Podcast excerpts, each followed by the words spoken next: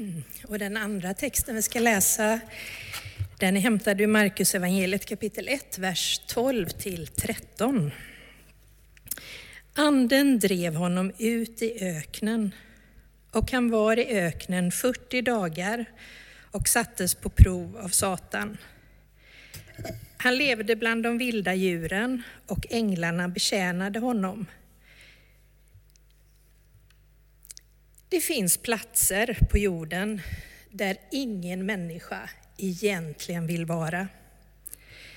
Där det inte finns vatten, där det inte finns skugga, där det inte finns växter och inte svalka. Där det finns brist på allt sånt som du och jag behöver för att leva. Där är det också kallt. Det kan vara fruktansvärt kallt. Där man ingenstans har att ta vägen, där man ingenstans har att gömma sig, där det inte finns lä, där man egentligen inte kan orientera sig. Där man får hägringar, önsketänkande, önskesyner, men det är egentligen bara syner.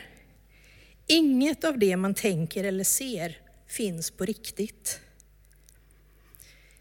Det finns platser på jorden där man till slut ger upp eftersom det inte finns någonstans där man kan vända sig med sitt liv. Dessa platser kallas öken. En av de största är Saharaöknen i Afrika. Ordet Sahara betyder tomhet. Öken är en plats för tomhet. En annan öken i Sinai, där var de judiska, det judiska folket i 40 år och irrade omkring och försökte hitta sin väg från Egypten till det förlovade landet. Men det var inte lätt. I dagens långa text möter vi Hagar ute i öknen. I dagens korta bibelberättelse förs Jesus ut i öknen till platsen där ingen vill vara. Och vi som är här, tänker jag, har varit där. Många av oss har varit där. Vi har varit i öken och vi vet det där att man inte finner någon ro för att tänka, läpparna är torra, det är svårt att svälja. Där man inte kan sova och man absolut inte vill vara vaken. Där man ångrar att man föddes och man vet inte varför man ska leva. Där ingenting smakar och ingenting lockar. Vi vet, vi som är här, vi vet vad öken är. Därför att livet då och då är öken, blir öken, ibland för att vi själva har ställt till det, ibland för att andra har ställt till det. Ibland för att våra liv som människor bara är sådana att ibland är det öken. Öken, öken, bara öken. Exakt där är Jesus och ska prövas av Satan, står det i bibelberättelsen, den korta. Vad är det då att prövas? Om du tänker på ordet prövning. Ofta betyder det psykisk påfrestning, lidande, vedermöda. Det kan betyda motgång. Prövningar vi möta få, alla. Öken. Det finns många kristna människor som genom historien har erfarenhet av öknen utöver Bibelns personer, också vi själva. Det finns till och med en hel grupp människor i kyrkohistorien som är uppkallade efter öknen, ökenfäderna, ökenmödrarna. Öken kan verkligen vara en känsla inom många av oss. När vi genom olika medier möts av ondska och destruktivitet som breder ut sig i världen. När vi påminns om ett år, år sedan kriget i Ukraina bröt ut på allvar. Och in på vår egen knut upplever vi ibland öken. I radbandet Frälsarkransen hade vi i tisdags tema öken med konfirmanderna. Det finns en sandfärgad pärla där som påminner oss om att en del av livet är öken. Vi påminns om att vi inte är ensamma när vi känner oss som vore vi i öknen. Vi är i gott sällskap av Jesus själv. Han vet allt om öken och lidande. 40 dagar var han i öken för att förberedas för sitt uppdrag. Inte heller han var ensam.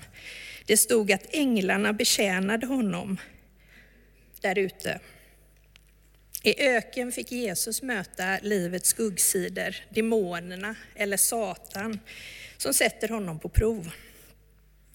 Jesus behövde vara i öknen 40 dagar innan han blev redo och mognade i det uppdrag som var Guds tanke för hans liv.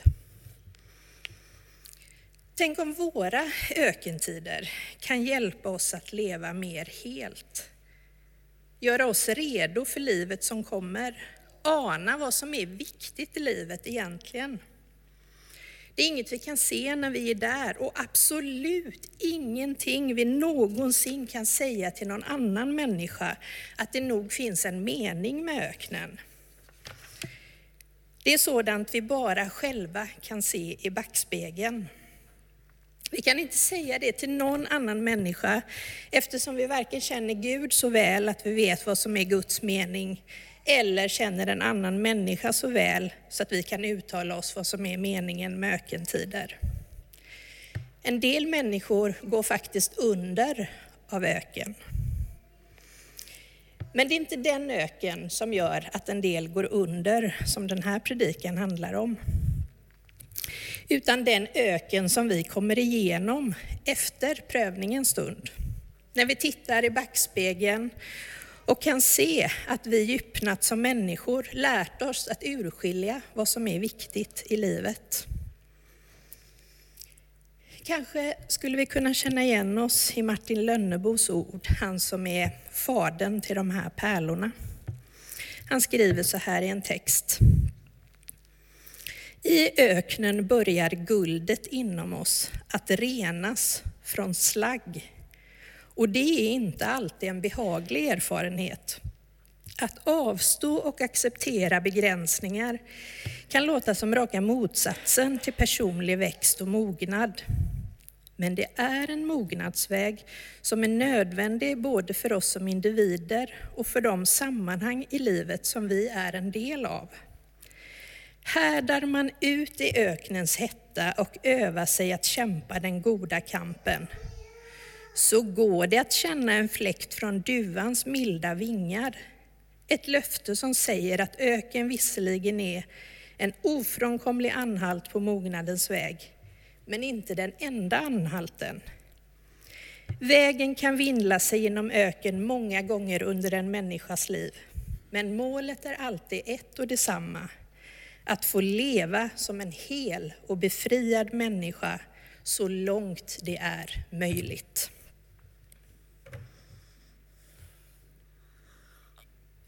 Lite vatten i öken är aldrig fel. Jesus vistades 40 dagar i öknen innan han var redo för ett nytt uppdrag. Fastan som vi är inne i nu är också 40 dagar. Vi avstår från något för att något annat ska få rum, gro och växa.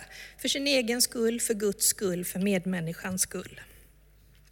Och det är väldigt stor skillnad på de ofrivilliga ökentiderna och den frivilliga fastan, när vi bildligt kan välja att vi vill avstå. Det är stor skillnad på ökentider som vi hamnar i ofrivilligt, när vi behöver avstå från det som vi tidigare har tagit för självklart. Som att förlora ett arbete, att bli sjuk, att förlora någon eller något vi håller kärt, att fly från sitt land, leva i krig, maktlöshet, att tryggheten i en relation raseras eller helt enkelt att plötsligt komma i kontakt med tomheten inom sig. Vad är meningen med alltihopa? Insikten om att vi kanske sprungit ifrån oss själva och förlorat oss. Det är skillnad på ofrivillig öken och den lilla öken som vi aktivt kan uppsöka och frivilligt och medvetet välja, kanske under fastan, för att ge oss tid att reflektera över vårt liv. Att avstå något som är viktigt till förmån från något som är ännu viktigare. Det är för oss människor ibland välgörande att välja att avstå. Det kan handla om att undvika att stoppa in onödigheter i munnen eller att avstå från intryck som vi fyller oss med och som upptar vår tid. Alla typer av frivilligt avstående kan vara gott och leda till mognad. Men man kan ju fundera på hur vi ska kunna få riktning i vårt reflekterande. Och för mig är den här berättelsen om Hagar ett sånt lysande exempel och hur vi själva ska få riktning i vårt sökande i ökenperioder eller utrymmen som vi själva ger oss. Det är en fantastisk berättelse om prövning och öken. Den utspelar sig såväl i den inre öknen som i den yttre. Tjänstekvinnan Hagar, som eftersom hennes matmor Sara inte kunde bli gravid, fick föda Abrahams son Ismael. Självklart kan vi ju alla förstå hur tufft det måste ha varit för Sara, som ju hade fått alla de här stjärnorna utlovade, som söndagsklubben håller på att prata om. Och så kunde hon inte få barn, och så får tjänstekvinnan barn med hennes man. Hur fruktansvärt måste det inte ha varit för henne? Hagar får barn, växer och hon blir ju liksom eh, högt uppsatt och Abraham är väl jättestolt över sin lilla Ismael som han äntligen har fått. Så det blir så att Sara bestraffar Hagar. Hur det gick till vet vi inte, det står bara att Sara började bestraffa Hagar. Så Hagar tvingas därför fly ut i öknen utan att veta var hon är på väg eller vart hon ska dra vidare. Men där i öknen med sin lilla pojke med sig så får hon ett möte med Gud. Ett möte där hon uppfattar att Gud frågar henne, varifrån kommer du och vart är du på väg? En Gud som lyssnar och som hjälper Hagar att stanna upp mitt i hennes livs öken, dela med sig av sitt liv med Gud. Och Gud kommer henne till mötes. Hon får en insikt om vilken väg hon ska gå, hon går den. Och hon uppfattar att Gud har sett henne. Gud har sett hur himla svårt hon har det på sin insida och i öknens torka. Därför ger Hagar Gud namnet Du är seendets Gud. Och en kort tid därefter så får Sara ett barn. Och det blir ju inte lättare för, för Hagar återvänder med Ismael. Och, och Sara får Isak och Isak och Ismael börjar leka. Och Sara tänker, jag vill inte att Ismael ska få del av arvet. Så Sara tvingar Abraham att återigen kasta ut Hagar i öknen, där hon är med Ismael och hennes liv och barnets liv håller på att gå förlorat. Hon lägger barnet under en buske för hon känner att jag klarar inte av att se honom dö. Då kommer Gud på nytt igen genom en ängel och frågar, hur är det fatt Hagar? Var inte rädd. Och i det gudsmötet så får hon ledning i hur hon och Ismael och deras liv ska kunna fortsätta. I öknen. Hagas öken berättelser är på konen meningen med att stanna upp i fastan. Stanna upp i en gudstjänst, en stilla dag, en reflektionsstund, på en promenad eller vad vi än gör och hur vi än vill be och närma oss Gud. Att låta Gud ställa frågorna till oss. Varifrån kommer du? Vart är du på väg? För hur ofta tar vi oss tid att reflektera och i bön liksom kalibrera vår inre kompass? Att ta ut riktningen för vårt liv, att kännas vid det som är och varit och gå vidare. Att stanna upp, samtala med Gud.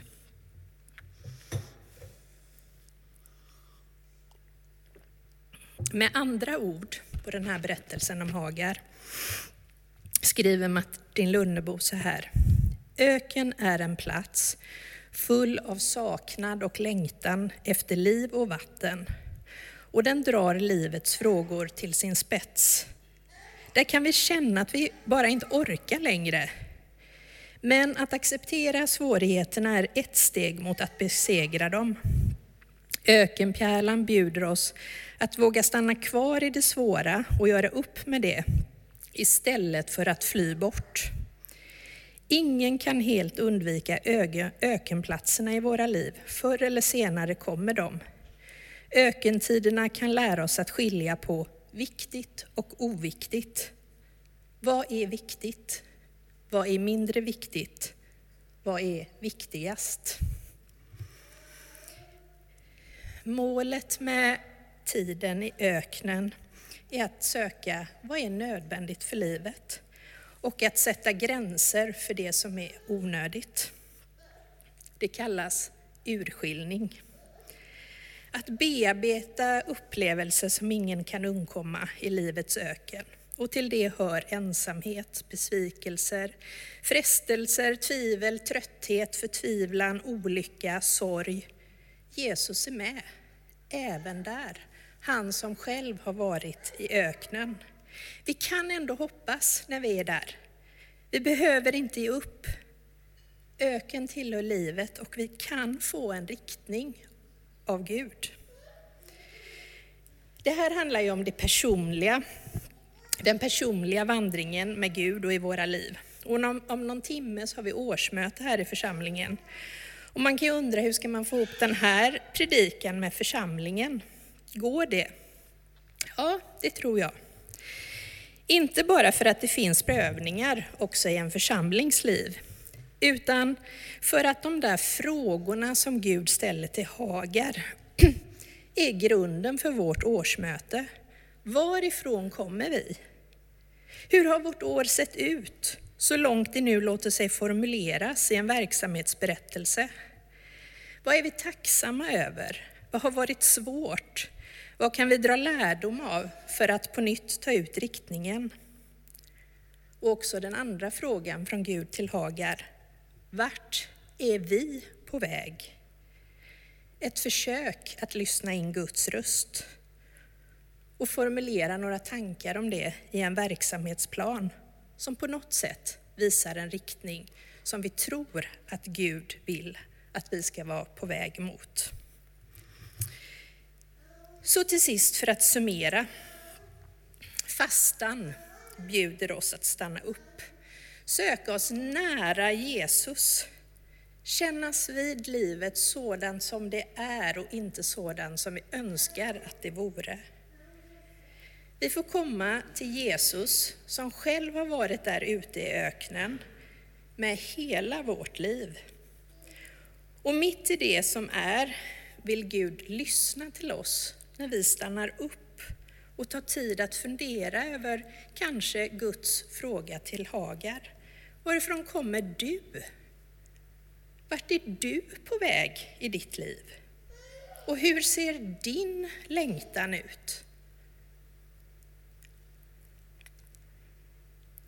Frågor som håller att leva av personligen, men som också är frågor för en församling.